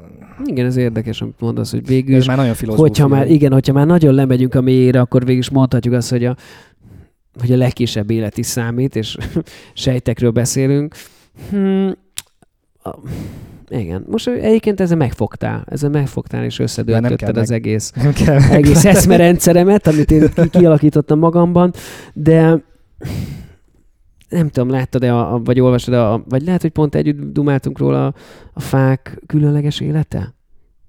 vagy nem, igen, nem pontosan igen. nem tudom a címét, de arra most már van dokumentumfilm is, könyv is van, bestseller van, tehát igen, tehát végül is az is egy csodálatos dolog, amikor arról beszélünk, hogy a fák milyen különleges és bonyolult rendszert alakítanak ki egymás előtt, amit még, még nem értünk emberek, de mondjuk pont ezt szoktam mondani a karácsonyfával is, amikor ugye beszélünk arról, hogy most a műanyag fajobb, vagy a, a, az igazi fajobb is. Én alapvetően igen, lehet statisztikákat mutatni arról, hogy, hogy ö, akkor ennek ekkora az ökolábnyoma, másra akkor az ökolábnyoma, de én abban hiszek, hogy végül is a karácsony számomra A fa, igen, az egy szimbólum, ami, ami egy tradíció. De végül is azt a fát mi ruházzuk fel azzal a szimbólummal, azzal, hogy azt körbeálljuk, és arra gondolunk, hogy karácsony van. De, ha le, de hogyha kicsit mélyebb rásunk, akkor végül is egy, egy fa, amit kivágtunk, elvettük az életét, és aztán két hét múlva tüzelőre kerül, pedig végül is az a növényem is lehetett volna a karácsony, ha feldíszítem és körülállom, mert végül is én vagyok az, aki, aki megteremti a karácsony szellemét, és nem az a növény vagy a fa jön egyszer csak, és mindenki ráébred a szeretetre, vagy ránk sugározza a szeretetét, hanem mi vagyunk azok, akik pont fordítva, mi sugározunk rá egy egy fára, egy tárgya a szeretetünket. Most és... egy szobában lévő szobanövényre. Igen, most bocsánat, egy, igen, nem igen, tehát mi vagy csak nem hallgatnak, tehát nem lettek, tehát a növényemre, arra kis pálmára mutogatok. Tehát úgy vagyok vele, hogy végig is ezt is lehet filozófián felfogni, hogy lehet, hogy statisztikailag a számok szerint nincs nagy különbség a kettő között, mekkora az ökolábnyoma. Én azt gondolom, hogy végül most arra kivágni egy fát, hogy két hétig ott legyen, és megnézem, hogy lehullik a, a levele, a, azért nem szívesen vágnék ki fát. Azt mondom, hogy végül is, ja, hát elvettem egy, vagy nem elvettem egy életet, hanem igen, és hát ezt meg tudtam oldani máshogy is. Végülis valljuk be, egyikünk se azért veszi a, a karácsonyfát, mert arra gondol, hogy fú, ez majd jó lesz tüzelőre, nehezebb helyzet. Hát azért szerintem idén már egyre több. Igen, idén valószínűleg egyébként sokan fognak ezzel élni, de alapvetően nem ez az első számú Igen. indítatásunk, hanem ez csak egy olyan, amit végül is okosan megoldotta az, aki elviszi a karácsonyfát, amikor már kit kerül az utcára. Beszéltünk arról, hogy, hogy ugye a szállításnak is van hatása a környezetre, tehát hogy van káros hatása, meg beszéltünk emberekről, akik, akik ugyanúgy védik a környezetet, és a környezetvédelmi és biológiai szempontból amúgy egy hát a lehető legjobb műsorban kötöttél ki Csányi Vilmos szerint, mert nem ezt mondta Csányi Vilmos, hanem nyilatkozott egy olyat, ő ugye a, az egyik leghíresebb biológus, etológus, és azt mondta egyszer, azt nyilatkozta, hogy híve vagyok a televíziós tehetségkutató műsoroknak, blődek persze, ezt ő mondja, de milliók nézik, milliókat kapcsol ki, minden tevékenység üdvözlendő, ami a Földtől kevés energiát igényel, hmm. de sok embert leköt, és közösségi érzést, vagy legalább annak a pótlékát nyújtja. Ó, nagyon szép gondolat. Annyi, annyi olyan opció van, amire nem is gondolunk, tehát ki gondolná azt, hogy azzal is környezetet lehet védeni, hogy, hogy tévét nézünk? Hát akkor végig is ott tartunk, amiből kezdődött az egész beszélgetés, a tudás és nem tudás. Hogy, hogy egy csomó minden, ami már létezik, bizonyított dolog, és mégse használjuk. Tehát, hogy, hogy mert például a természetvédelem is, én szerintem alapvetően egy emberjogi kérdés. A vegánság is. Na, ez viszont pont egy vegán beszélgetésen mondtam, hogy azt ne felejtsük el, hogy, egy, hogy ez a beszélgetés, meg az egész vegánság egy emberjogi kérdés. Mert itt pofázhatunk az állatvédelemről, ha van olyan család, akinek az az ünnepsége, hogy a Mekibe el tud menni. Hogy a gyereknek ez, ez a nagy dolog, bocsánat, itt a kutyám, ő nem, nem én rászkodom jobbra-balra, szia kiskutyám. Tehát, hogy végül is arról beszélünk, hogy szeretnénk egy olyan világban élni, ahol az állatoknak védelme van, hogy, hogy, hogy jogaik vannak, hogy elismerjük őket, mint érző lények, akikre vigyázni kell, és, és meg kell teremtenünk az elégséges, fel, vagy nem elégséges, hanem kielégítő feltételeket. De hát ez az kell, hogy mégis a tányér túloldalán egy olyan társadalom legyen, aki tud áldozatokat hozni, mert mondjuk én persze ebben az egzisztenciális helyzetben alapvetően tényleg nagyon egyszerű le tudok mondani egy csomó dologról, mert, mert jó lélek, mert jó lélek, mert, mert egy csomó más dolog van, ami örömet okoz nekem, és, és tudok differenciálni, és, vagy szelektálni a dolgok között, a, a, az élményeim között, hogy mit csinálok, hogyan csinálom, Hát, mert érted, azért a fenntartatóság legtöbb eszköze, ami most nagyon kirakatban van, azok olyan dolgok, amik nem engedhetőek meg átlag ember számára. Tehát, hogy az elektromos autózás azért még mindig egy marha drága dolog. És nyilván jön mindig az akkumulátor téma, de hát igen, de hát alapvetően ez egy technológia, hogy megpróbálunk előnyt szeretni jó szándékkal, vannak bizonyos bökkenők, és aztán kijövő, mint hogy a szélenergia. Marha érdekes, múltkor szakértő volt ezzel kapcsolatban a műsoromban, és elmondta, hogy hát, hogy, de hogy hol kerülnek majd a turbinák, meg stb. stb. És elmondta, hogy hát igen, hát ez a lényeg, hogy egyébként rengeteget fejlődött a szélenergia, és még nagyon nehéz az, hogy hogyan használjuk majd fel az elamortizálódott részeit egy, egy, egy szélturbinának, de jelenleg nem az van, hogy most egyszer csak beledobják az óceánba, meg így tök mindegy, hol elássák, hanem erre vannak kijelölt pontok, ahol ezeket az e, rész, részeket elássák, és azért ássák el, hogy amikor a technológia, mint jelenleg is dolgoznak, az lehetőleg egy, kettő, öt, tíz éven belül elérkezik oda, hogy ezeket újra tudjuk hasznosítani, és nem csak úgy eldobáljuk ezeket a dolgokat. Jelenleg, hát sajnos a fenntartatóság hozzá tartozik a, ahhoz, hogy, hogy te már alapvetően jó egzisztenciális környezetben élsz, meg tudtad teremteni magadban, ami egy, elég, egy, egy kielégítő élethez van, és Hát azért még azért ebben valószínűleg kevesebb, kevesen vagyunk, vagy hogy, hogy azért nem a, a lakosság 80%-a engedheti meg magának ezeket a, ezeket a dolgokat, hogy ő napelemet szereljen föl, meg elektromos autóval járjon, és olyan terméke, vagy minden nap piacról tudjon vásárolni, hanem bizony hát az, az az ünnepnap a gyereknek, hogy elmegyek Mekibe is, és ennek örülünk, és hagyjon mindenki engem békén az állatvédelemmel, mert fontosabb a gyerekem, mint, mint, mint hogy most meghalt egy szarvasmarha, vagy sem. Mondjuk van sok olyan ember, aki ezt megtehetné, mert van már olyan anyagi uh, helyzetben, sőt, tehát végül is megint a tudás nem tudásnál vagyunk, hogy akkor igen. ha megtehetjük, miért nem tesszük meg. De azt akartam csak mondani, hogy, hogy vannak emberek, akik csak a magánrepülőikkel sokkal nagyobb a széndiokszid kibocsátásuk, mint egy átlag embernek. Taylor Swift a magángépes repüléseivel több mint 500-szor több széndiokszidot juttat a levegőbe, mint egy átlagos amerikai embernek az éves kibocsátása. Tehát elképesztő, és e- ezen a listán találtam egy ilyen listát, hogy mely sztároknak mekkora széndiokszid lábnyomuk van, csak a... És valószínű ő, ő is ott van, Jay-Z, Blake Shelton, Kim Kardashian, hát őt, őt említetted, Steven Spielberg és Oprah Winfrey volt azon a listán legalábbis, de nyilván valószínű egyébként Leonardo DiCaprio, neki is biztos elég nagy a lábnyoma, Viszont amit mondtál, hogy, hogy ez egyelőre még azoknak megengedhető a fenntartható életmód, akik jobb anyagi körülmények között vannak legalábbis, több szempontból tudnak azért tenni, hogy fennmaradjon a jövőnk.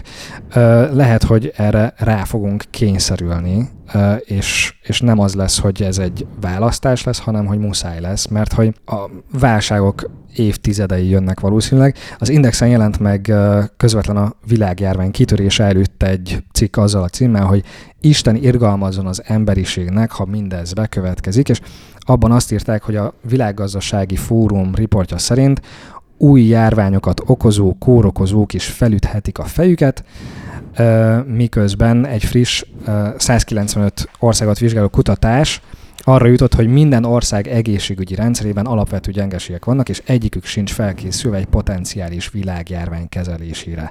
És hát pont erre jött rá a világjárvány, és a cikkben volt egy ábra, amiben a globális kockázatokat tüntettek fel, hogy mik leselkednek ránk 2020-ban. A járványon kívül ott volt a kezelhetetlen infláció, tehát hogy ezek ilyen jóslatok voltak, és mára már azért eléggé itt van a nyakunkon. Kezelhetetlen infláció, energiaársok, államközi konfliktusok, kényszerű migráció, élelmiszerválság, vízválság, munkanélküliség, társadalmi instabilitás. Tehát ezek mind olyan dolgok, amik egyébként közben azóta egyre, egyre inkább valóságá válnak.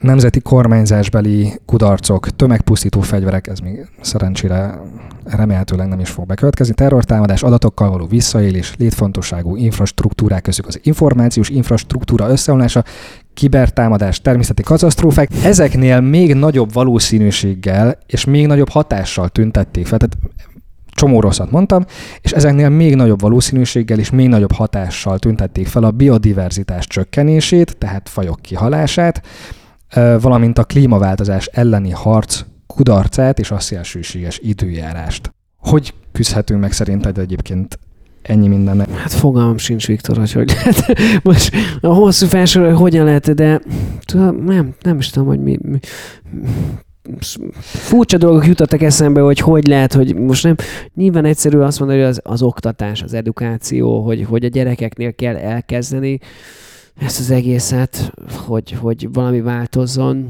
és azt gondolom, hogy változnia is kell, tehát magának az oktatásnak is, hogy ott, ott szerintem egy óriási paradigmaváltásnak kéne bekövetkezni, hogy egészséges társadalom nőjön fel, akik, akik egyébként felkészülnek a, a túlélésre. De hát közben nehéz változtatni, mert, mert most szerintem sokat beszélünk, hogy ahogy szembesültünk ilyen dolgokkal, de amúgy szerintem ez csak túl idealizáljuk ezt a dolgot, hogy úgy szembesültünk valamivel. Hát végül is Magyarországon azért nem szembesültünk igazán. Tehát nem lett nagy hát tornádó. A COVID, alatt, a COVID alatt hatalmasat kellett ja, hát változtatni COVID... az életmódunkon. Hát persze, kellett. a... mindenki És aztán most valójában most mindenki visszatért Mindenki a rendes ugyanúgy élet. beült a kocsiba, sőt, még, több, még, még többet. Jó, de azt, azt akarom mondani, hogy viszont olyan dolog leselkedik ránk, ami, ami nem fog elmúlni. Hogyha elkezdődik, és már egyesek szerint uh, igencsak benne vagyunk, de hogyha, hogyha, hogyha ránk szakad az egész, abból nem fogunk uh, De szerintem ez csak így, csak így, így fog. Szóval vala- valamiért egy kicsit az, hogy hogy van. Hát remélem nem így lesz, tehát nem ezt, mert hát nyilván gyereket szeretnék, meg, meg családot szeretnék, és boldogan élni az életemet, és bízom benne, hogy,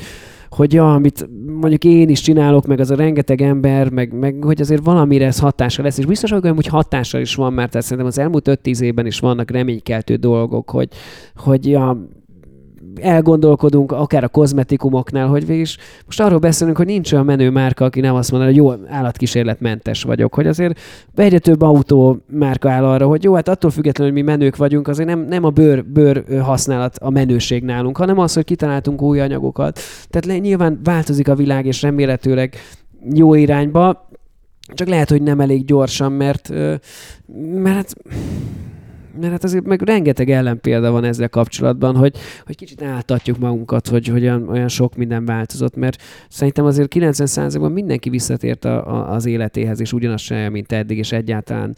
Ja, lement a Covid, szuper, ja, nagyon klassz volt, hogy Velencénél megjelentek a delfinek, de hát most akkor mi van? Most akkor mégis elé, egyszer érdekes volt a hírekben, de ma már más érdekel engem, hogy most mi van az inflációval, mi van az ukrán háborúval, mi van az amerikai választásokkal. Tehát végig tényleg, ha belegondolok, hogy mennyit beszélünk az amerikai társadalomról, miközben semmi, tehát alapvetően azért sok kapcsolódásunk nincs azzal. És ezért gondolom azt, hogy, hogy néha behúnyunk a szemünket, és, és könnyebb megrökönyödni bizonyos dolgokon, amik máshol történnek, és érdekes a híradóban, meg, meg fel tudjuk, de hogy lehet, hogy úgy tűnik, hogy globálisan valami történik, de én azt gondolom, hogy sokszor ez nem tudatosan, hanem egyszerűen csak elindult egy szemléletformálás, ami, ami úgy történik, és szép lassan történik, de nem biztos, hogy, hogy, hogy ez tudatosan ö, egyszer csak közösségi összefogással ö, ö, mutatkozik meg, hanem vannak bizonyos jelek arra, hogy, hogy igen, hát hogy van egy, egy, egy, egy vásárló igény arra, hogy ne legyen több állatkísérlet, vagy va- pont annál van egy, a cégnél egy olyan filozófia, hogy akkor ezen nekünk változtatnunk kell, de addig, ameddig a piac nem mondja, addig, addig azért nem olyan sürgető ez, hogy megváltozzon. És mennyire tapasztalod azt, hogy más emberek is, más um, ismert emberek is kiállnak különböző ügyekért? Én nagyon bízom benne, hogy azért ez, ez, ez, ez sokkal divatosabb lesz, mert most azt gondolom, hogy az a divatos, hogy minden héten kiállunk valamiért. Szerintem az nem jó. Tehát szerintem az nem jó, hogy minden héten valaki kiáll valamiért, mert, mert szerintem hiteltelenül teszi, tehát csak egy, egy, egy reklám arcát teszi az embert, és, és, és engem is sokszor, és ez nem, egyébként az bánt is, amikor megsértődnek ez, amikor azt mondom, hogy figyelj, ne haragudjatok, tehát van egy saját egyesületem, van egy természetvéd, ezt sem, azt sem. Tehát én azt gondolom, hogy olyan álljon ki emellett az ügy mellett, aki, akinek van valami kötődése hozzá. Tehát én nagyon szívesen kiállok mellette, csak én nem nagyon értem, hogy én mit segítek ezen az ügyen, mert azt se tudom, hogy miről van szó. Tehát, hogy biztos vagyok, hogy szükség van arra, hogy, hogy, hogy segítséget kapjatok, de szerintem kell keresni egy olyan embert, aki, aki tudja, hogy miről van szó, és, és hiteles szócsöve tud lenni ennek a kampánynak, és ezeket nagyon szeretem, azért vannak erre pozitív példák. De, de szerintem ezt kéne megszüntetni. Most ez csúnyán hangzik, de ezt a fajta jó emberkedést, hogy, hogy most emellé állok, meg amellé állok, meg emellé, és minden héten valami mellé állok. Szerintem nem kell mindenkinek mi, mellé, minden mellé állni, és nem kell egymás se ö, frusztrálni az, hogy te miért nem álltál emelé, és most miért nem ezt csinálod, stb. stb. Mert, mert nem ölelhetjük fel a világ összes problémáját, hanem kell szerepet válni valamiben. És azt mondani, hogy jó, én, én, én ezt komolyan gondolom, ez engem én ezt szeret, vagy hogy szeretnék ezen segíteni, örömömet lelem benne, van egy, egy, egy küldetés tudatom, és, és, és erre felé akarok el, megint csak az elmélyülni abban, hogy én mit csinálok, vagy mit művelek, vagy hogy nem csak egy kuruzsló lesz belőlem, hanem tényleg én valamennyire azért elkezdek kötődni, kapcsolódni hozzá, és megértem a helyzetet, és, és ebb, meg, megtalálom a problémákat, és látok rá a megoldást is, hogy hova kéne elérkeznünk. Mert hogyha minden héten valami mellett kiállunk, akkor igazából megint csak az, hogy amúgy fingunk sincs, hogy mi van. Tehát, hogy csak úgy, ja, kiállunk mellette, de amúgy fogalmunk nincs, hogy miről van szó, és mi a megoldás. Sőt, azt sem tudjuk, mi a probléma, csak úgy jó emberkedjünk egy kicsit. Szerintem ez, ez gond. Ez, vagy nem gond, nem gond, mert jó emberkedni soha nem gond, de alapvetően nem, nem is hatásos. És néha ezt szoktam is mondani, amikor tudod, felhívnak egy kampány, és figyeljetek, ne haragudjatok, én, és megint csak, hogy én ö, nem azért nem állok bele ebbe a kampányba, mert hogy ö, nem, nem, nem, nem gondolnám jónak, hanem azért, mert azt hallom, hogy most ugyanaz a négy-öt ember van, aki múlt héten egy másik kampányban volt vele, a harmadik héten egy harmadik kampányban, amik egyébként tökre nem, nem kapcsolódnak, de hogy ők az aktuális jó emberek. Tehát én ez nagyon klasszis, nagyon bízhatom őket, de én azt gondolom, hogy viszont akkor elvesztem a saját súlyomat abban, amit én képviselni szeretnék, mert azt mondja, ja, hát Peti, hát az mindenért kiáll, hát az kit érdekel, már megint kiállt valamiért. Szóval szerintem ez, ez, ez, ez nem jó, ez nem hatásos, hogyha tudatosan akarjuk ezt, és tudatosan ö, visszük a saját missziónkat. Hát reméljük, hogy egyre többen fognak maguknak választani egy konkrét ügyet, ami... Szerintem is egy konkrét ügyet, ha valaki áll, ahogy Ja. erős Anton érted, a, nem tudom, neki is van egy alapítványa, mert ő ezzel él, ezzel nőtt föl, és azt gondolt, hogy közszereplőnként neki ezt kell vinnie, és ez, ez az ő, és nyilván lehetne még, meg azért a Kovács Patriciát, stb. egy dolog mellé odálltak, és egyébként eredményeket értek el, és nagyon szép sikerek vannak. És szerintem ez lenne a fontos, mert végül is igen, azért az alapja mindegyiknek az empátia. Az empátia, és az, hogy teszek más emberekért, ö, haszonszerzés nélkül. Tehát végül is én is ezt mondom, hogy, hogy amikor a vegánságról beszél, természetvédelem, vagy egyébként ez a, tehát a, a, a, nehéz helyzetben lévő iskolák megsegítése a frizzereknek, mégis mindegyik egyről szól az empátiáról, és hogyha ez, ez, szerintem ez az, amit meg kell mutatnom, és hogy lehetőleg, remélhetőleg valaki eltanulja ezt, hogy amúgy ne jó dolog, hogy a Puskás Peti ezzel segít, azon segít, és hogy milyen empatikus ezzel a dologgal, és hogy lehet, hogy az életében egyszer csak ez, ez, ez kinyílik ez a dolog, és ő is észrevesz olyan dolgokat, amiket egy nem vesz észre, és lehet, hogy semmi köze a természetvédelemhez, vagy, vagy ami, amivel én foglalkozom, de az empátiája, a, a felelősségvállalása az egyszer csak megszületik, és, és a saját környezetben ér, észrevesz valamit. Szerintem ez lenne a fontos, és ez lenne, ez, ez lenne nagyon fontos, amikor kiállunk valami mellett, hogy, nem a konkrét ügy az, ami, ami, ami majd hatással lesz, hanem egyáltalán a gesztus, és egyáltalán az, hogy, hogy, hogy fel- felnyissa az emberek szemét, hogy amúgy lehet, hogy tényleg néha kell olyan dolgokat csinálni, ami nem azért van, mert, mert, mert hasznot várok tőle, hanem mert jól esik, és, és hasznosnak érzem magam a közösségben. De azért abban hinnünk kell, hogy, hogy azért meg tudnak mozdulni dolgok, és egyébként fontos, hogy beszéljünk, beszéljünk róla, mert egyébként történtek változások. Tehát szerintem, szerintem nem szabad azt gondolnunk, hogy nem történnek változások. Igenis történnek vá- változások. És igenis sokat beszéltünk arról, hogy hiányoznak a női politikusok, és végülis most van egy köztársaság, aki nő. És, és olyan ügyeket, és lehet elemezgetni, hogy ez most propaganda, vagy nem propaganda, vagy őszintén történik, vagy, vagy, vagy ez egy megtervezett dolog, de alapvetően végülis az üzenete az, amit régóta vágyunk, hogy legyen komoly döntéshozói szerepben egy nő, akiben más látunk, aki reménykedünk abban, hogy ön benne más ösztönök ö, rejtőznek. És, és szerintem ez, ez annak az eredménye, hogy igenis, hogy, hogy társadalmilag szerepet vállalunk, és kifejezzük az érzelmeinket, kifejezzük a gondolatainkat, és vannak vágyaink ezzel kapcsolatban, mit szeretnénk a, a, a döntéshozók között is, vagy hogy mit. És szerintem a környezetvédelemben is al- alapvetően történtek dolgok, amik ha nem is előre vitték a dolgot, de legalább ö, felhozták a hibákat. Hogyha nem tettünk volna semmit, vagy, vagy, vagy nem kezdődött el volna egy ilyen társadalmi mozgolódás a természetvédelem kapcsolatban, akkor csak passzívan nem is néznénk a dolgokat, mert nem is lennénk tisztában bele, hogy egyébként ez, ez a jelenlegi szituáció. És szerintem legalább, ha még nem is történt előrelépés benne, de legalább már láttatjuk a problémát, és, és megrökönyödünk, hogyha arról van szó, hogy látjuk, hogy kivágnak egy fél partot azért, mert most ott lesz egy hotel. Szerintem ez azért történik, mert igenis civilek elkezdtek szerveződni, kifejezték a, a, a gondolataikat, az igényeiket ezzel kapcsolatban, és azért erre reflektálni kell, és szerencsére azért egy olyan Európában úgy élünk, hogy, hogy azért ezek nem bebörtönöznek és megkínoznak minket, hanem talán még reflektálnak is, és, és történik valami változás, és mégis tényleg mondhatjuk, azért civileknek köszönhetően ez nem nyílt meg, az nem nyílt meg, azért ez már sokkal több, mint hogyha nem történt volna semmi. A köztársasági elnökről Novák Katalinról jutott eszembe, hogy az egyel ezelőtti köztársasági elnök, Áder János pedig uh, szintén nagy környezetvédelmi. Igen, egyébként igen. Hát aktivista, vagy nem tehát ő, ne, neki is egyébként úgy tudom, hogy van, vagy volt uh, környezetvédelmi podcast. van, van podcastja, igen. Tehát ez, ez fontos, hogy beszéljünk ezekről a dolgokról, és emellett pedig az is, hogy ne csak beszéljünk, hanem cselekedjünk is. Egyéni szinten mit tehetünk? Én ilyeneket írtam fel, hogy miket tehetünk a, a fenntartható életmód és a környezetvédelem érdekében.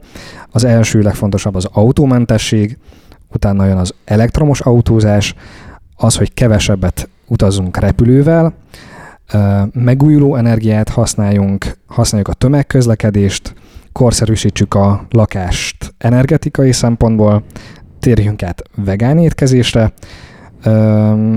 és hogyha lehet, használjunk hőszivattyús fűtés például. Én azt gondolom, a leghatásosabb az, ha felmérjük a saját képességeinket, hogy mit engedhetünk meg magunknak. Mert, mert, mert nem szabad, hogy túl nagy igényeink legyünk magunkkal szemben. Akkora igényünk legyen, amit, amit a környezetünk meg tud adni nekünk. Tehát, hogy, hogy az autó használat, és nagyon érdekes dolog szerintem, hogy, hogy alapvetően ugye szeretnénk, hogy minél kevesebb autó legyen, de ne a miénkkel legyen kevesebb. De hát igen, hát ez egy olyan dolog, hogy vannak emberek, akiknek órákat kell minden nap utaznia.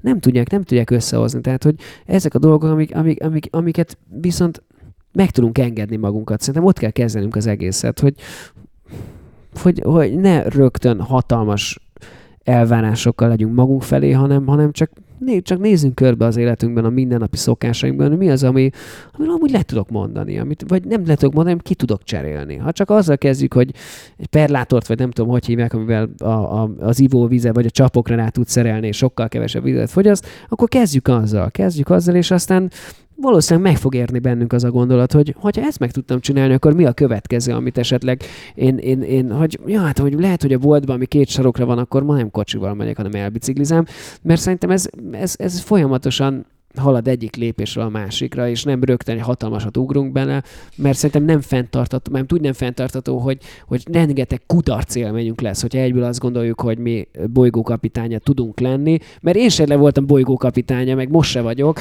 hanem most is egy csomó dolgot tanulnom kell, meg, meg, meg azt gondolom, hogy igen, vannak csomó dolgok, amit változatlan tudnék változtatni. Jó, de túl kicsi lépést sem érdemes szerintem tenni, mert hát, hogy az, az csak egy illúzió, hogyha mondjuk azt gondoljuk, hogy azzal azzal, hogy nem használunk szívószálat, az, az szerintem egy illúzió, mert az, baromság. Az, az, az, azzal nem mentjük meg a, se a bolygót, se az emberiséget, és egyébként nem is biztos, hogy az a szívószál egyébként pont egy óceánban köt neki egy, egy halnak a szájában. Nyilván igen, de szar szerintem... dolog, hogyha ez megtörténik, de, de nem itt kezdődik az, hogy, hogy változtassuk Igen, hát én is egyébként ezen mindig meg voltam lepődve, amikor tudod, de tényleg, amit mondasz, a szívószám, meg a fülpiszkáló volt a, a, a, a, a szimbólum ennek az egésznek, és minden arra gondolom, úristen, akkor lehet, hogy én vagyok az, aki nagyon kevés fülpiszkálót használ, vagy nem tisztítom eleget a fülemet, mert, mert én nem gondolom, hogy ezen a világ legkörnyezetebb károsítóbb dolga a fülpiszkáló. Tehát ebben igazad van, de szerintem maga, hogyha a gondolat vagy egyfajta motiváció megszületik, hogy